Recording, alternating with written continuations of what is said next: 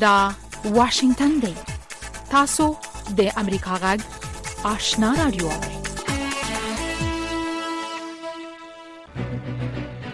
قدرمن اوریدونکو السلام علیکم زه شافیا سردار یم دا د امریکا غږ آشنا رادیو خبرونه پیل شوه لومړی به خبرونه واوري السلام علیکم ترنو اوریدونکو تاسو د امریکا غږ آشنا رادیو نه خبرونه اورئ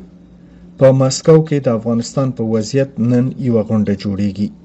دا غونډه د مسکو فورمټ یا مسکو طریقه نومیږي چې روسیه، هند، ایران، قزاقستان، قرغیزستان، چین، پاکستان، تاجکستان، ترکمنستان او ازبکستان استازي پکې ګډون کوي. امریکا او طالبانو ته په دې مجلس کې د ګډون بلنه نه ده ورکړل شوې. طالبانو ویلي د دوی له حضور پرته دا ډول غونډه ناتکمیله ده او د طالبانو د حکومت او روسیې پر اړیکو به منفي تاثیرات ولري. د افغانستان د پاره د روسیې خاص استازي زمیر کابلوف تیر اونۍ په مسکو کې خبریالانو ته ویلي چې د غونډې نتایج به د طالبانو د حکومت سره شریک کړل شي. د طالبانو د دفاع سرپرست وزیر ملا یعقوب مجاهد ویلي چې حکومت یې لا هم د دوحې د تړون تطبیق ته ژمن دی او افغانستان به هیڅکله د بل هیواد پر ضد ونه کارول شي د طالبانو دغه چارواکي دا خبرې د سې شنبې پر ورځ په کابل کې د اسلامي همکاریو د سازمان له استازو سره کړې دي د همدې اونۍ په پیل کې د اسلامي همکاریو سازمان یا او آی سی په کابل کې خپله نمایندګي بیرته پرانستله.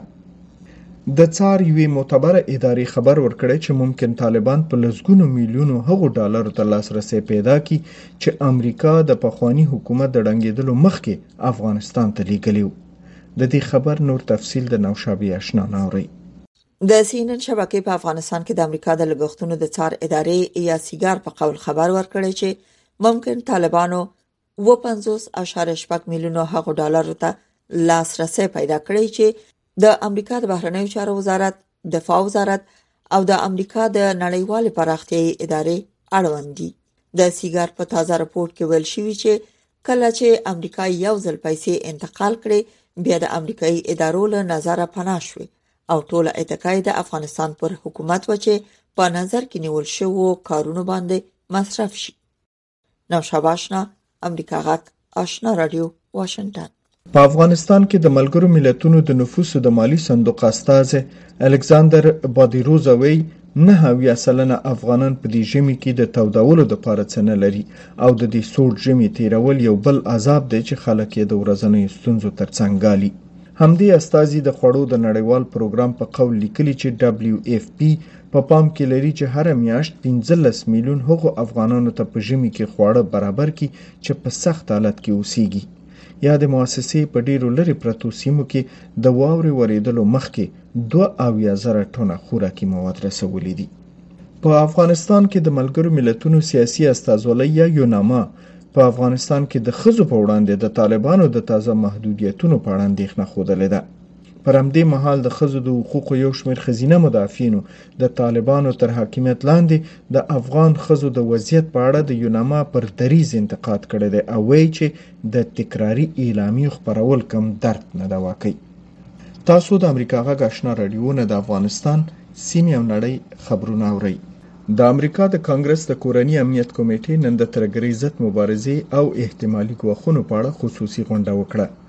په دې غونډه کې د امریکا د فدرال تحقیقاتي ادارې یا اف بی آی رئیس کریسټوفر ری،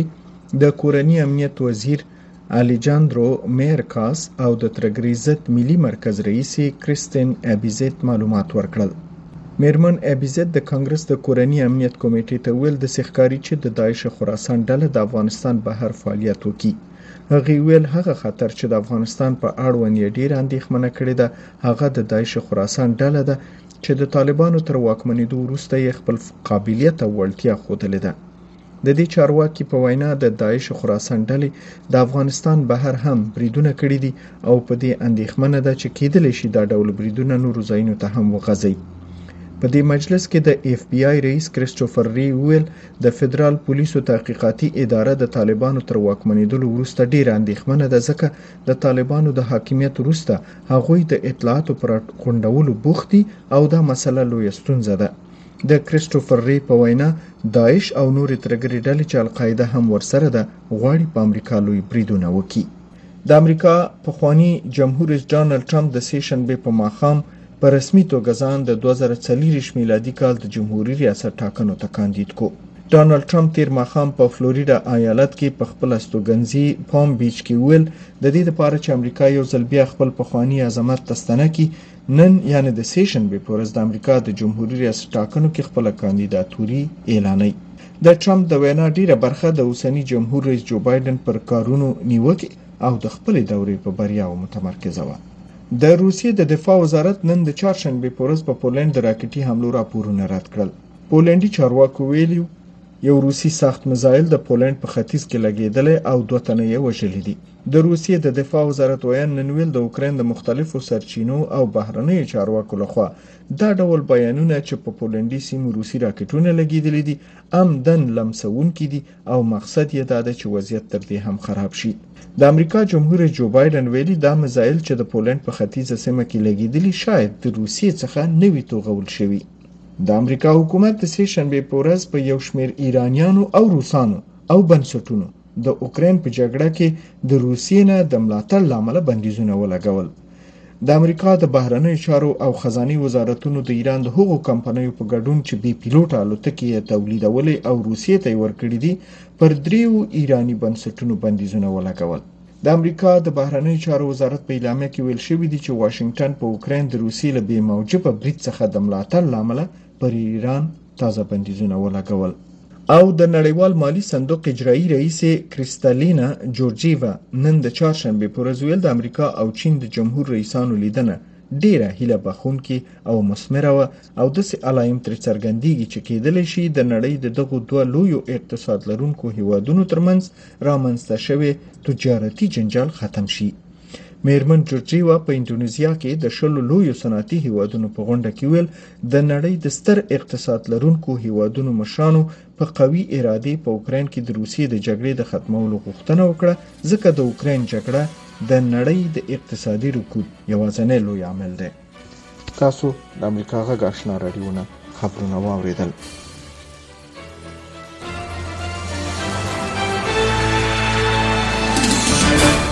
خبرونه مو د امریکا غږ آشنا راډیو څخه واوریدل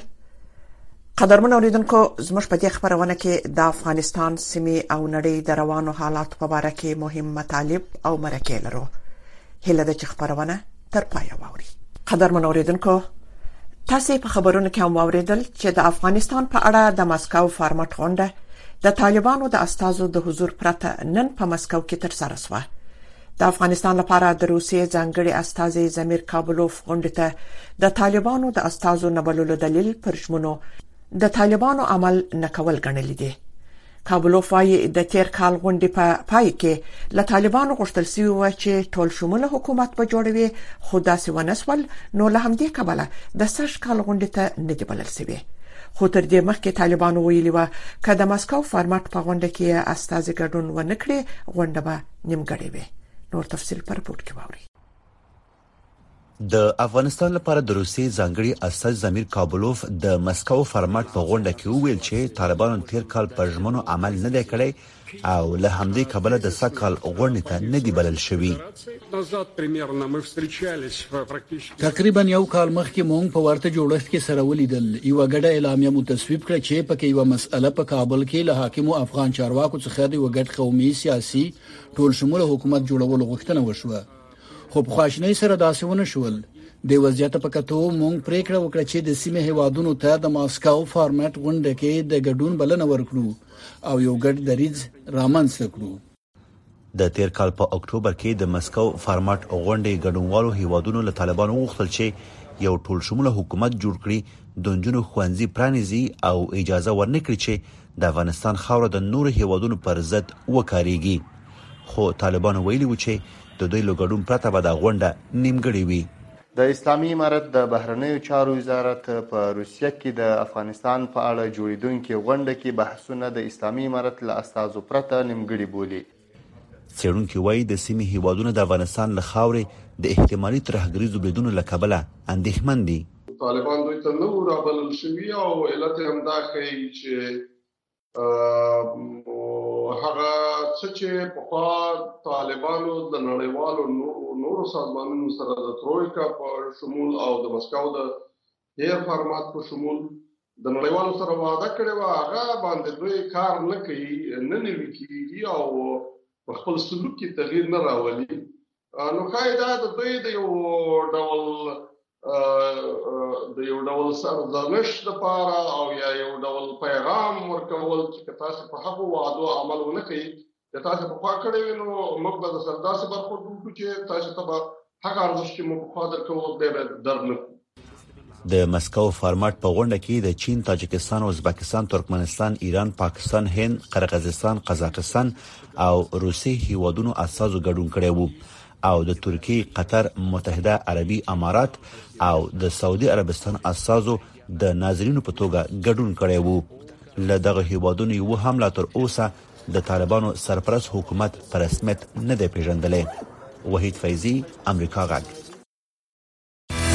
د امریکا غږ د آشنا رادیو په خپلو بیلو بیلو خبرونو کې د نړۍ د ګډ ګډ او د افغانستان په باب جامع به طرفه او موثق راپورټونه خبري د امریکا غږ د آشنا رادیو خبرونه مهیروي قدر منوریدونکو د راپورټونو لمخې د کابل په هوایي ډګر کې یو شمیر هغه شذ چې بهر ته د سفر په محل محرم نه درلود بهر ته د سفر اجازه نه ورکړه شوې طالبانو حکومت د ترانسپورت او هوایی چلن وزارت وایي تر اوسه یې په رسمي ډول د محرم پرته د شوزو مسافرو پر سفر د بندیز په اړه کوم رسمي مکتوب نه دی ترلاسه کړی په کابل کې د امریکا جغ آشنا رادیو خبريال اکرام شینواری د شاغلی احمدي سره په دې مسئله او د ملکی هوایی چلند خدماتو د معیار کولو په مسئلو مرکه کړې چې ستاسو پام یې اورېدو ته را اړوو د افغانستان د فضا څخه د عبوري الوتنو شمېر کې کوم زیاتوالی راغلی دی بله هو چې اوس الحمدلله نظر شپږو میاشتو وړاندې ته زیاتوالی پکې راغلی د هرو څلور ویشت ساعتونو کې تقریبا د اتیاو څخه تر سلو عبوري الوتنې لرو د افغانستان د فضا څخه همدارنګه په هرو څلور ویشت ساعتونو کې دېرش شاوخوا کم او زیاتو هغه الوتنې دي چې افغانستان کې ناس ته او الوتنه کوي نو یعنی په داخل د هوایي ډګرونو کې کینی او الوتنه کوي هوایي خدماتو ورسته قرارداد چې د ګا کمپنۍ د متحده عرب اماراتو کمپنۍ د سره شوی نو د سره به هم ان شاء الله چې خدمات معیاري شي او الوتنې به نور هم زیات شي د رادارو د نصبولو بهیر څنګه روان دی نو په دې وروستي قرارداد کې دا موضوعات ټول ذکر دي یعنی د افغانستان ټول افغانستان د هوایي خدماتو وړاندې کول دي تاسو ته چې به معلومه وي د افغانستان په تقریبا تیرو څلوېښتو کلونو کې رادارونو سیستمونه د ملکی برخې نه درلودل نه وو موږ یوازې په کابل کې یو رادار درلودو او د امریکایي قواو خو خپل نظامی اهداف لپاره خپل رادارونه راوړي وو چې په تک سره د قال وړ یې ځان سره یووړل او نور یې زموږ رادارونه هم را تخریب کړل، خپل یې هم تخریب کړل، هغه سیستم یې ټول فلج کړو، یوازې رادارونه نه وي په دې برخه کې د الوتکو خدمات او ویساټ په نوم سیستمونه دي، مخابروي سیستمونه دي، دا ټول ویجاړو، دا بېرته جوړ شول، اوس موږ خدمات وړاندې کوو، مخابروي خدمات، اړیکې د الوتکو سره لرو، عبوري الوتنو ته خدمتونه وړاندې کېږي، خو د معیاري خدمتونو د وړاندې کولو لپاره په ټول افغانستان کې د رادارونو نشت، د مخابروي سیستمونو نشت، او د نوې ټکنالوژۍ سره سم ټول خدمات باید وړاندې شي چې هغه دا ټول په قرارداد کې ذکر شوی دي او ان شاء الله دا به وړاندې کیږي خو د دغه تجهیزاتو د نصبولو لپاره وخت ضرورت ده چې دا نصب شي او بیا تخنیکی چارې پر مخ یوړل شي او تخنیکی کارکونکي ورته روزل کیږي نو د لاسلیک څخه تقریبا لکه لږ شپږ میاشتې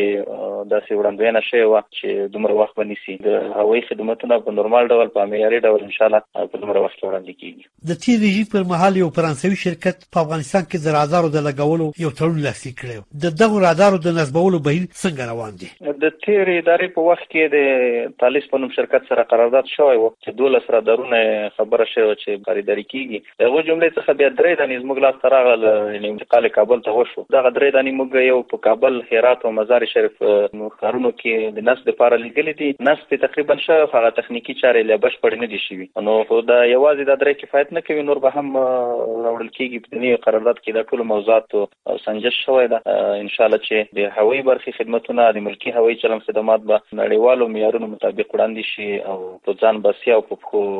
ولاړ هوایي سیستم به ولرو په هوایي ډګرونو کې د خدماتو د ورکولو په برخه کې پرمختګ راغلی دی دوه رقمه هوایي خدمات وړاندې کیږي یو د عبوري الوتنو ته خدمتونه وړاندې کول دي چې هغه په افغانستان کې ناسته نه کوي بوري وي تیریږي د افغانستان د فضا څخه یو هغه خدمتونه دي چې داخل د افغانستان کې هوایي ډګرونه فعال وي دا الوتنه افغانستان ته وشي ناسته ولري بیرته الوتنه وکړي نو دغه دوهم ډول چې د افغانستان کې ناسته کیږي د افغانستان هوایي ډګرونه شپږ ویش هوایي ډګرونه لرو چې پنځه پکې نړیوال دي دا ټول د نړیوالو معیارونو مطابق فعال دي تاسو خبرې چې د ترکیش ایرلاین یا د ترکیه هوایي کرښې هم اعلان کړی وو چې دوی به خپلې الوتنې پیل کړي هغه یې هم پیل کوي خپل تقسیم اوقات مطابق فلای دوبۍ هم راغلي وو ټیمونه یې د هوایي ډګرونو څخه لیدنه وکړه هغوی هم الوتنې پیل کوي خو کمرشل یا تجارتي الوتنې دي نو دوی هغه خپل مسافرو ته په کتو الوتنې دوباره پیلوي که نه خدمات خو زموږ د معیار او د نړیوالو ستندردونو او د ایکاو د سازمان او د ایټا د سازمانونو د قوانینو مطابق خدمات وړاندې کېږي، هغه کې هېڅ ستونزه الحمدلله نه لرو او په ډېر ښه توګه وړاندې کېږي. داسې رپوټونه وو چې د کابل نړیوال هوایي ډګر نه یو شمېر ښځې چې محرم ورسره نه وو، د سفر پر مهال بېرته ګرځول شوې دي. داسې رسمي مکتوب موږ ته په دې هکله نه دی راغلی او نه هم داسې څه پېښه شوې ده، نو دا موږ نه تاییدوو. ټول هېوادوال چې د بهر څخه افغانستان ته راځي، د ټولو نړیوالو قوانینو مطابق، ځکه چې یوازې د افغانستان قوانین نه، هوایي چلند نړیوال قوانین دلته مطرح دي د هغو مطابق د دوی بورډینګ د سیستم د دوی دخول او خروج سیستم د ټول هغه د قوانینو مطابق اجرا کیږي نو موږ ته رسمي ډول دا ستنه دي راغلي او د غسنځه هم زما په نظر چې تر اوسه نه دی پیښه شوی د مرکې نه مننه. د واشنگټن نه د امریکا غږ آشنا رادیو خبرونه اوري د امریکا غږ آشنا رادیو څخه راپورټونه ته دوام ورکوي د امریکا په خواني جمهور رئیس ډونالد ترامپ د سه شنبه په ورځ د 2023م کال د جمهوریت ریاست د انتخاباتو لپاره خپل نوماندی اعلان کړ هغه په داسې وخت کې دغه اعلان کوي چې جمهوریت غوښتونکي ګوند ونسي کولای د کانګرس لپاره په تیرو منځمهاله انتخاباتو کې ل خپل تمه سره سمې نتیجې ترلاسه کړي که څه هم نوموړي د ګوند د مشر په توګه د 2014 کال د انتخاباتو په څیر لوی اخلالونکي نه دی بلکې دا ځل هم غواړي چې د خپل تیرې دورې په څیر د مهاجرت پولیسو او سوداګرۍ په برخه کې په پالیسیو ډیر تمرکز ورکړي نور تفصيل پر راپور کې ووري له څو میاشتو رئیسې د غونډو له جوړولو د ټولنیزو رسنیو له لارې د اشارې له رسولو او د 2020 کال د ټاکنو په ګټلو باندې له ټینګار کولو وروسته ډونالد ټرمپ بل اخره د جمهوریت ریاست لپاره خپل نوماندی اعلان کړله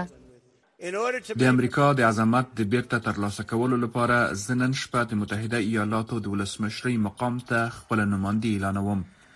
په خپلې نږدې یو ساعته وینا کې ترمپ په خپلو اسلافو، منتقدینو، هغو فدرالو او ایالتي سیمه ییزو چارواکو چې د ده په اړه تحقیقات کوي او رسنیو کلکې نیوکې وکړې او د پولیسو د رول د غښتلتیا د وخت مخکې رائے ورکولو د لمنځه وړلو او د رایو د چټک شمیرنې په ګډون د ټاکنو په قانون کې د لوی اصلاحاتو د راوستلو د مهاجرت د سختو مقرراتو د پلي کېدو د ډیرو ټولنیزو محافظه کارو قوانینو د رامنځته کولو او د پاوز په غښتلي کولو باندې د ډیرو پیسو د مصرفولو په خاطر خپل ژمنه تکرار کړله هغه همدارنګه ویل چې کچيري دای ولسمشر وټاکل شونو د امریکا بیرغ به ډیر ژر په مریخ باندې ورپوي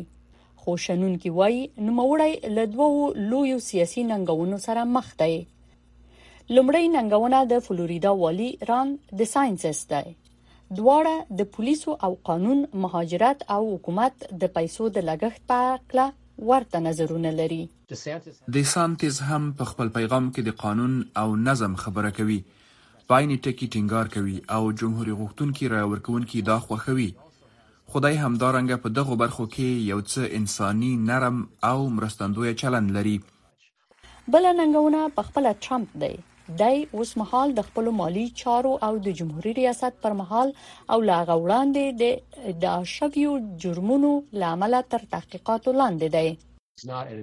نوموړی یو یاغي سیاستوال دی او په یو ډول د موجود سیاسي جوړښت مخالف دی چې تیر ځل هم همداسې وو دا ځل موږ هغه پېژنو. موږ ولیدل چې هغه څلور کاله په سپینې ماڼۍ او دوه کاله له هغه وروسته څه وکړل. دا ځل نوموړی د خپلې تېرې دورې په میراث او د دوه زره او شلم کال په ټاکنو کې د درغلیو په هکله په خپلې ناسمې ادعا میدان ته راوځي. نوموړی یو یاغي سیاستوال دی او په یو ډول د موجود سیاسي جوړښت مخالف دی چې تېر ځل هم همداسې وو دا ځل موږ هغه پېژنو. موږ ولیدل چې هغه څلور کاله په سپینې ماڼۍ او دوه کاله له هغه وروسته څه وکړل. بنان زه فکر نه کوم خلک به په اسانۍ سره د هغه په هکله خپل فکر بدل کړي. د ترامپ د جمهوري ریاست پخوانی مرستيال مایک پنس په دې وروستیو کې د 2020م کال د جنوري په شپږمې د امریکا په کانګرس باندې د برید د اچولو لپاره یو بې پروا مشر وباله د ترامپ ملاتړو هڅه کوله چې د کانګرس لخوا په ترامپ باندې د ولسمشر جو بایدن د بریا د تصدیقولو مخه ونیسي خو پنس د ای بي سي له تلویزیون سره په خپلې مرکې د پښتنې ته چې آیا نوموړی به له ترامپ څخه ملاتړ وکړي کنه واضح ځواب ورنکړ زه فکر کوم دا د امریکا په خلکو پورې اړه لري، خو زه فکر کوم چې په راتلونکي کې به ښې انتخابونه ولرو. او ولسمشر جو بایډن د دسانتز او ترامپ ترمنځ د دوه زره او څلوېښت کال د ټاکنو لپاره له سیالۍ ورهاخوا ډېر څه نه دي ویلي. د دوی ترمنځ سیالي به په زړه پورې وي. د ترامپ ډېر جدي میراث به هغه تاوتریخوالي او بې ثباتۍ وي چې ده شاته پرېښودله. د جنوري د شپږمې د پیښې جزئیات د کانګرس په ډیرو استماعیه غونډو کې خبره شول د جنوري د شپږمې د پیښې د چیړلو کمیټې له تم څخه د امدی ونې د دوشنبه په ورځ وغوښتل چې په دې اړه توضیحات ورکړي هغه دغه غوښتنه ونه منله او کمیټه به مجبور وي چې پر ضد یې قانوني اقدام وکړي برېښنا عمر خیل د امریکا غږ ټول د حقایقو د پیدا کولو په لټه کې امریکا غږ په نړۍ کې د موثقو معلوماتو په برخه کې نړیوال شهرت لري امریکا غږ په نړۍ کې د ټولو لپاره د خبرونو باوري سرچینه ده خلک د نړیوالو مسایلو په حق له جامع معلومات غواړي او امریکا غږ دغه معلومات برابروي د امریکا غږ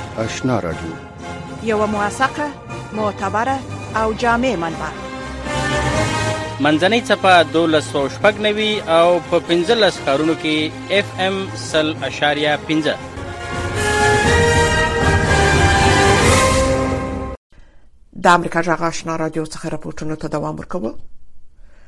درنوریدونکو آیا په امریکا کې د نوومبر په اتمه په منځ مهاله انتخاباتو کې د هغو کاندیدانو کارګردګي شوه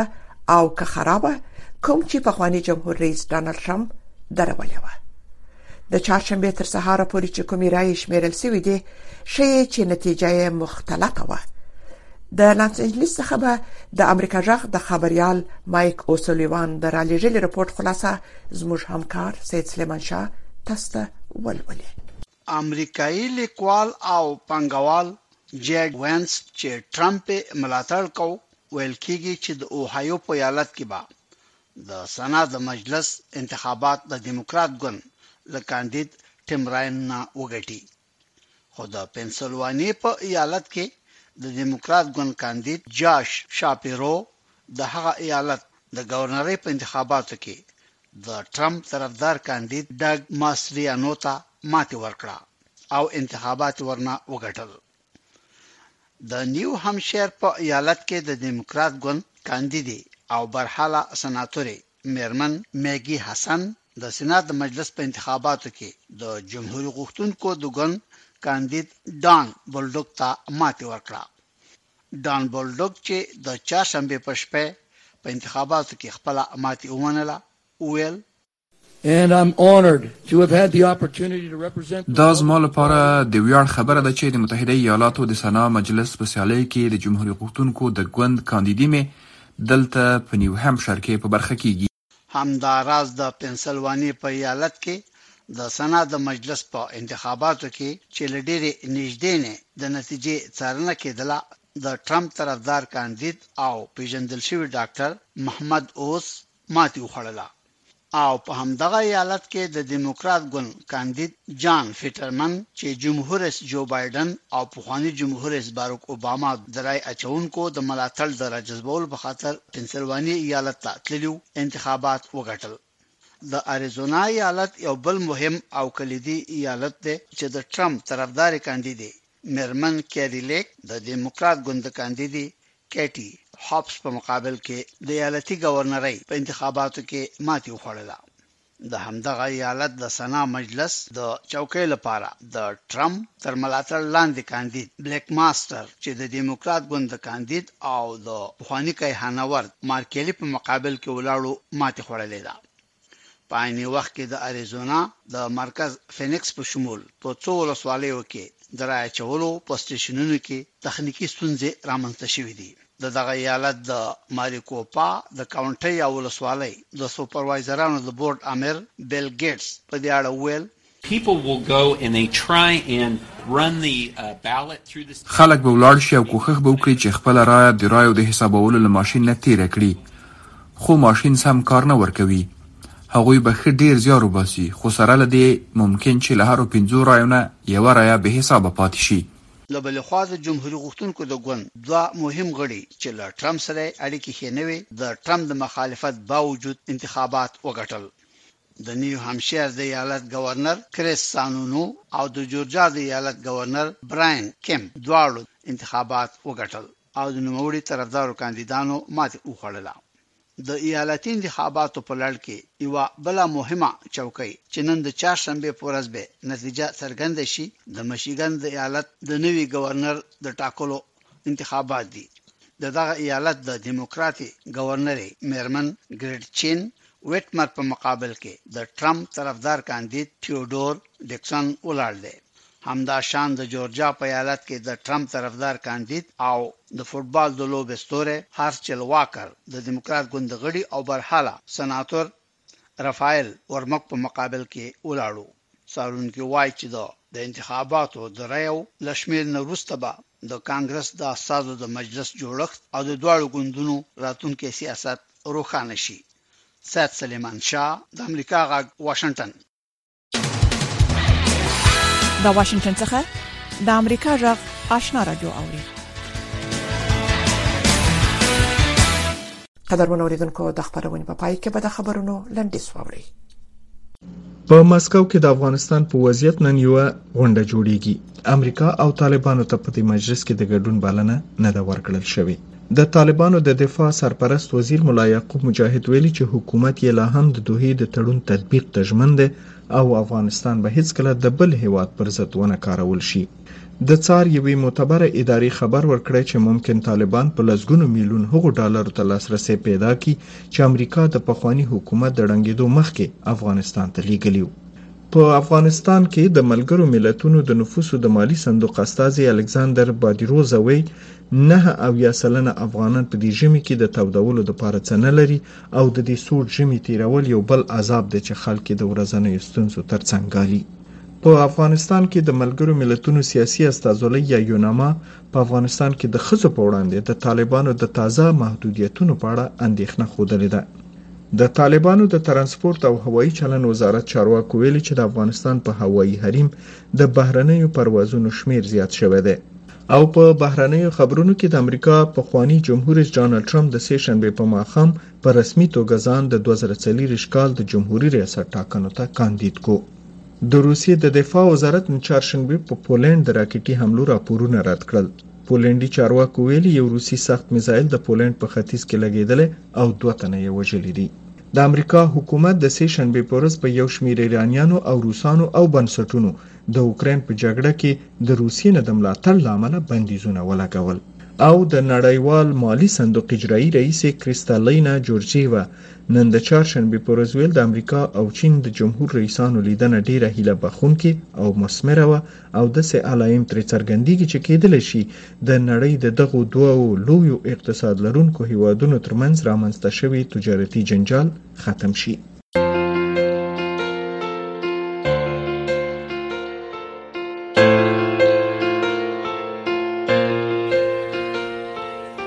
درنوریدونکو زموږ د خبرونه په همدې ځای پای ته ورسیده د امریکا جغ آشنا را دوه خبرونه دوام لري